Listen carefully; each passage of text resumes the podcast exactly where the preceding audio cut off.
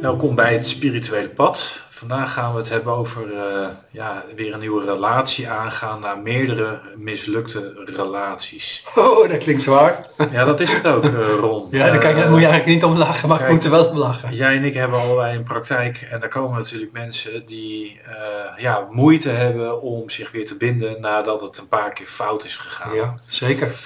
Ehm, nou, ik zal even voor mezelf spreken. ik herken dat wel. Jij ook? Ja, ja. Ja. Um, het is ook vaak een beetje de bedoeling natuurlijk, hè, dat je meerdere relaties hebt in het leven. Er zijn maar weinig mensen die natuurlijk uh, vanaf het begin af aan bij elkaar zijn. En uh, echt nog 30, 40 jaar bij elkaar blijven. Dus je ziet dat natuurlijk ook meer en meer gebeuren. Dat er kortere relaties in het leven ontstaan. Vroeger was dat natuurlijk anders. Um, maar dat zijn niet vaak al hele fijne ervaringen. Nee. Toch? Dat hoort een beetje bij deze tijd. Uh, het karma van de mensen in deze tijd, in deze eeuw, dat hoort gewoon, dat type meerdere relaties hoort gewoon bij deze tijd.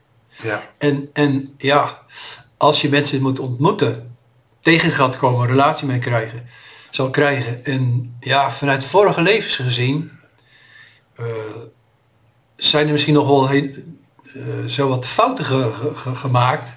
Ja, dan kan het best wel eens zo zijn dat je nou een niet al te makkelijke relatie te wachten staat. En dat is voor mij vanuit de praktijk soms best wel lullig. Want mensen willen graag dan weten, vanuit dat iemand alleen staand is, kom ik iemand tegen. Maar ja, dan hoop ik altijd, altijd wel voor diegene dat er dan ook iemand mag komen waar ze zich echt lekker bij, bij voelen, dat het goed is. Maar niet van dat ik eigenlijk al weet van ja, halfjaartje verliefd, maar daarna wordt het een probleemrelatie. Dat kan je bijna niet zeggen.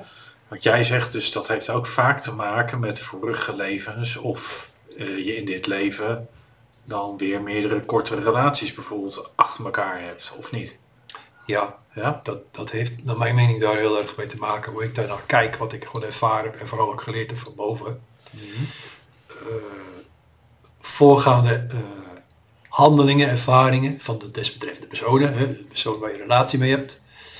Maar ook natuurlijk, de, wat we eerder over hebben gehad, de innerlijke leeftijd van die twee personen. Want als, als je elkaar niet verstaat in gevoel of intellectueel of spiritueel, hè, ik maak al het gebaar, weet je, als dat niet matcht, ja, dan zou je elkaar ook niet begrijpen. En dan zou je voor, voordat je het weet gewoon behoorlijke problemen krijgen. Dus de karma het verleden, opdracht, maar ook de afstemming van de mensen op, op dit moment. Ja. Nou weet ik, uh, deze podcast is bedoeld voor mensen om uh, vooral ook een eigen beeld erover te vormen met wat tips en trucs uh, van ons.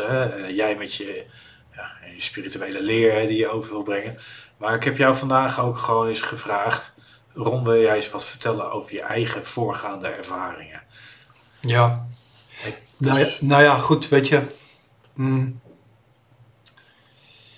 Het gaat dan over de relatie, hè, de relaties die je hebt gehad en het daarna weer openstellen. Ja, ja vooral het openstellen ja. weer, hè, vanuit het heden gezien. Ja, ja, ja. ja. Nou ja, goed, weet je, zoals je ziet, uh, een aantal jaren weer verderop.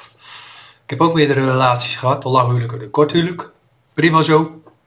Heb ik gelukkig wel allemaal goed kunnen verwerken, dat is wel heel erg belangrijk. En misschien zeg ik het eigenlijk al nu al uh, onbewust erbij, van ja, vind jij zelf, hè, de kijker dus, vind jij zelf wel dat je daar voldoende aandacht hebt aan besteed om het een plekje te geven, om het te verwerken. Want als jij denkt van, ik schuif het wel weg en ik wacht weer tot ik een nieuw iemand heb, ja, dan kunnen een aantal problemen natuurlijk zomaar weer ineens terug gaan komen. Mm -hmm. Dingen gaan zich dan weer herhalen. Ja. En dat is natuurlijk niet de bedoeling. Nee. Kun jij vertellen hoe jij uh, relaties voor jezelf dan hebt afgerond? Vooral het afronden. Nou, ik ga niet zeggen gewoon dat hoe ik het gedaan heb, dat dat nou de juiste manier is, maar hoe ik het gedaan heb. Ik hou ervan als dus werkelijk zo'n fase komt. Hè, uh, komt uh, het is klaar, laten we, we simpel houden. Ik trek me altijd twee weken echt helemaal terug. Bij wijze van spreken trek de stekker overal uit. Ik wil helemaal geen gesprek of mensen zien of wat dan ook. Probeer zoveel mogelijk naar binnen te gaan, serieus naar binnen te gaan, te voelen wat ik voel, uh, na te lopen, wat wil ik ermee en bovenal, wat ik persoonlijk wel vind, het eruit janken, eruit huilen, eruit gooien. Niet gaan blokken, niet weg gaan drukken. Gewoon voelen waar je voelt. Ook al is de huilbui nummer 106, doet er niet toe. Eruit gooien, zoveel, zo goed als je kan. Mhm. Dus eigenlijk bedoel ik te zeggen, huilen, is iedereen bekend, bekend maar energetisch ontladen. Want verdriet, eh, onrechtvaardigheid, spanningen, stress, dat gaat natuurlijk op je gemoed zitten. Dat gaat op je zenuwstelsel zitten. Daardoor ga je ook slecht slapen. Maar ontladen, iets kwijt kunnen, is wel heel erg belangrijk. In dit geval dan door te, door te, te huilen. Oké. Nou weet ik eh, van jou dat jij vaak toch wel aanvoelt eh, dat een relatie voorbij is. Ja, Eh, soms krijg je het ook door, hè? ja. Van gene zijde. Eigenlijk altijd als ik eerlijk ben. Ja. Dat is natuurlijk een extra factor. Hè? Dus Ik denk dat heel veel mensen dan nu zitten te kijken en denken van wow, nou dat is heftig. Dat, dat, Ja, ja, dat is echt heel heftig. ja, Maar ik denk dat de meeste mensen ook zelf al het voorgevoel al vaak een beetje hebben. ja klopt. Ehm, moet je dan eigenlijk ook altijd weer gelijk naar dat gevoel luisteren en zeggen, ja, weet je, eh, Ik vind van wel. ja, Ik vind van wel. Ik vind dat wel heel waardevol. Maar het kan ook bijzonder pijnlijk zijn. Ik bedoel, als jij voelt, laten we zeggen, eh, ik schakel dan even terug, hè. laten we zeggen drie of zes maanden voordat je dan uit elkaar gaat. Hè? Eh, het is natuurlijk terug in de tijd even ge- eh, ge- gekeken, dat snap ik wel. Maar stel voor een half jaar vooraf dat je werkelijk uit elkaar gaat. Ja, er zijn vaak wel in de diepte dingen te voelen, aan te voelen. En als jij voelt van, het gaat veranderen. De- de- eh, je, je, je voelt verwijdering komen, of de belangstelling gaat weg, of de verliefdheid eh, gaat, gaat weg, of je hebt het gevoel van het boeit me allemaal niet meer. Dat is niet altijd eenvoudig. Dat is soms lastig. En al helemaal als je misschien zelf wel nog heel erg verliefd op iemand bent, nog iemand heel ziet zitten, maar je voelt van mijn maatje, mijn partner, drijft gewoon af. Die, die, die, die voelt het niet meer, die is het niet. Het is niet makkelijk om dan al voorkennis te hebben of dat Ja. aan te voelen. Eh, nou hebben we het in dit programma ook heel vaak over karma. Hè? Ehm, eh, dus je moet iets afronden vaak met een persoon. Ja, Maar soms moet je dan ook weer gelijk weer iets met iemand beginnen. ja, ja, en dat kan zomaar twee weken later zijn, weet je, of eh, tien weken later.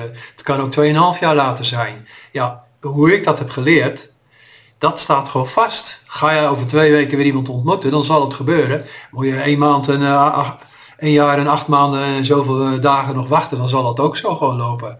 Dat staat wel vast. Maar wa- wat als je nou eh, nog niet alles eruit gejankt hebt? Ja, da- daar heb je geen invloed op. Je kan alleen maar je best doen.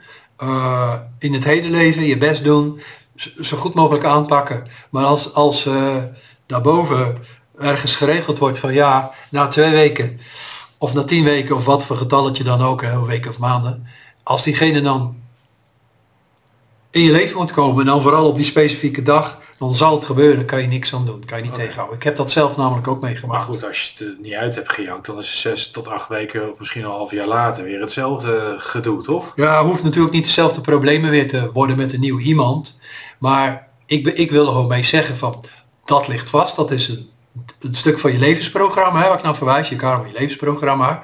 Maar, maar goed, ik bedoel dus werkelijk ermee van, dan heb je dus niet echt genoeg tijd gehad om, het, om eraan te werken en te verwerken. En dan heb je dat natuurlijk ook niet verwerkt, goed verwerkt, want het is veel te kort. Nee, oké, maar goed, als je dat niet hebt gedaan, dan kun je dus eigenlijk ook wel heel snel wel weer problemen verwachten, toch? Daar heb je gelijk in. Ja, en waar komen die problemen dan door? Want we hebben het dan ook, eh, ja, weet je, eh, je gaat door in een nieuwe relatie, je wil die nieuwe hand geven, hè, dus je wil weer je openstellen. in dit Daar geval- gaat het ook over deze podcast. Ja, in dit geval nieuwe start, hè, we beginnen met nieuw iemand.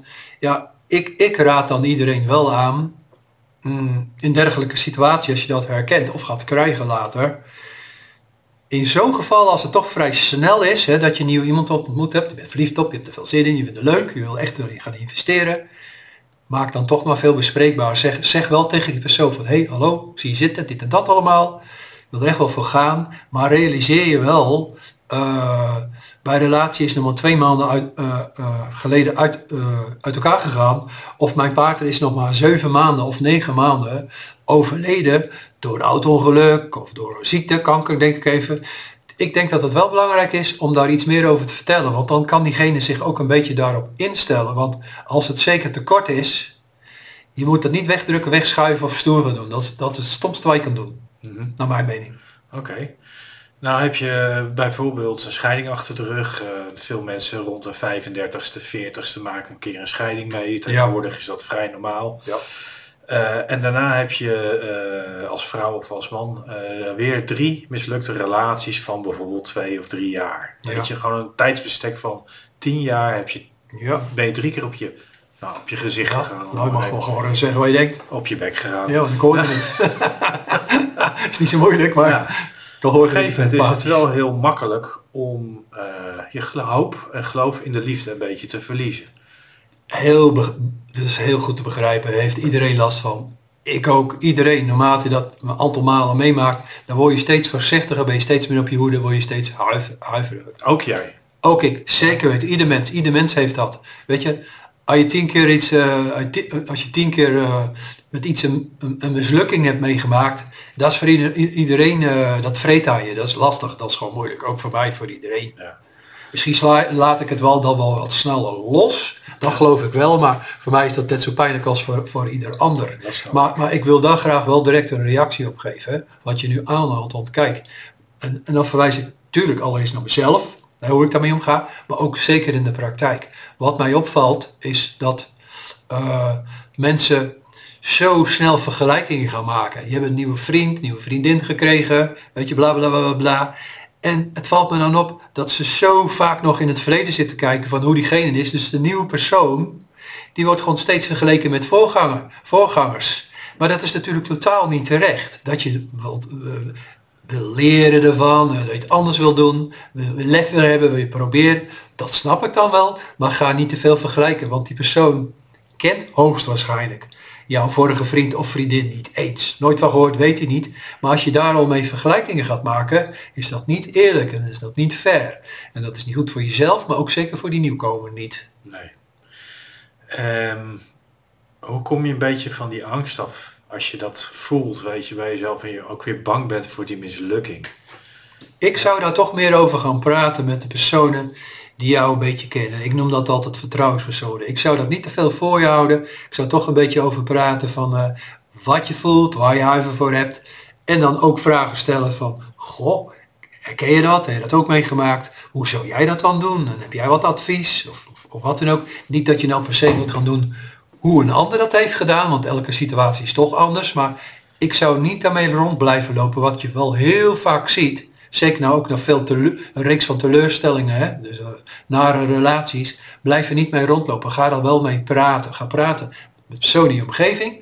Maar ook zeker als je een nieuwe relatie hebt. Maar ik was net vergeten te zeggen, ga niet alleen maar over je leed praten van het verleden bij een nieuwe relatie. Want die gaat ook na 10 of 20 keer denken van, oh ben jij zo iemand? Je zit continu in het verleden en uh, je, je verdriet te vertellen. Dan denkt diegene ook van, ja hallo, uh, iedereen heeft wel uh, zijn rugzakje, iedereen heeft wel het een en ander meegemaakt. Stoot je de persoon af en dat is jammer.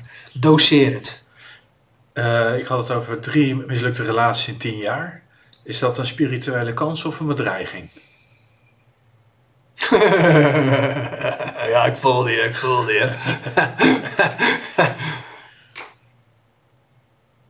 nou, ik ga een beetje mee met jouw trilling en bedreiging natuurlijk. dat is niet leuk, dat vindt niemand leuk. Want iedereen is uiteindelijk kwetsbaar. Als het om gevoel gaat, diepere gevoelens, zeker liefde en al dat soort dingen, ja, is iedereen kwetsbaar. In die zin staat iedereen in zijn naki. Ja. Toch? Iedereen is kwetsbaar en gevoelig en dat is ook weer het mooie van. Maar ik vind niet, ik vind wel, als je het gevoel hebt om weer iemand te ontmoeten, of je hebt al iemand ontmoet, vind ik wel dat je jezelf, en natuurlijk uiteraard ook dan die ander, een kans moet geven. Onderduiken, wegdrukken, jezelf foppen, uh, dubbel leven gaan leiden, ja, ik denk niet dat dat werkt. Nee, dus toch ook wel weer een spirituele kans. Dat is zeker een spirituele kans. En die kans moet je jezelf wel geven. Maar iemand die merkt aan zichzelf van... Uh, ja, ik ben nog veel te gekwetst. Doe me nog zeer. Weet je, misschien kan je beter dan een serie gesprekken nemen. Vorm van therapie. Dan dat je direct dan misschien het uitgaansleven gaat uh, rondlopen. Want ja, als jij je jasje wordt getrokken van... hé, hey, ik vind jou wel leuk of iemand wil een gesprek. met jou, of reageert op jou op een leuke manier. Maar je voelt gewoon, ja, je bent er totaal niet aan toe. Zou ik dat toch een beetje nog even afhouden. Of je maakt een afspraak met vrienden of vriendinnen, je vrienden. Je zegt van, joh, let een klein beetje op me. Ik ben hartstikke kwetsbaar. Ik ben nog niet over het bescheiding heen van eh, vier maanden geleden of acht maanden. Van als er me aangesproken wordt, kijk even wie het is. Als het gewoon normaal zacht is, lief, lieflijk, lief, lieflijk is, prima. Maar als het een beetje te veel de nadruk ligt op versieren, grijp dan in. Want ik ben nog veel te kwetsbaar en ik ben nog niet zo weerbaar. Liefde is wel een ingewikkeld iets, Robert, weet je niet? Ja, ontzettend. ook het mooiste wat er is, toch? Ja, dat heeft echt twee zijdes, hè? Heel sterk.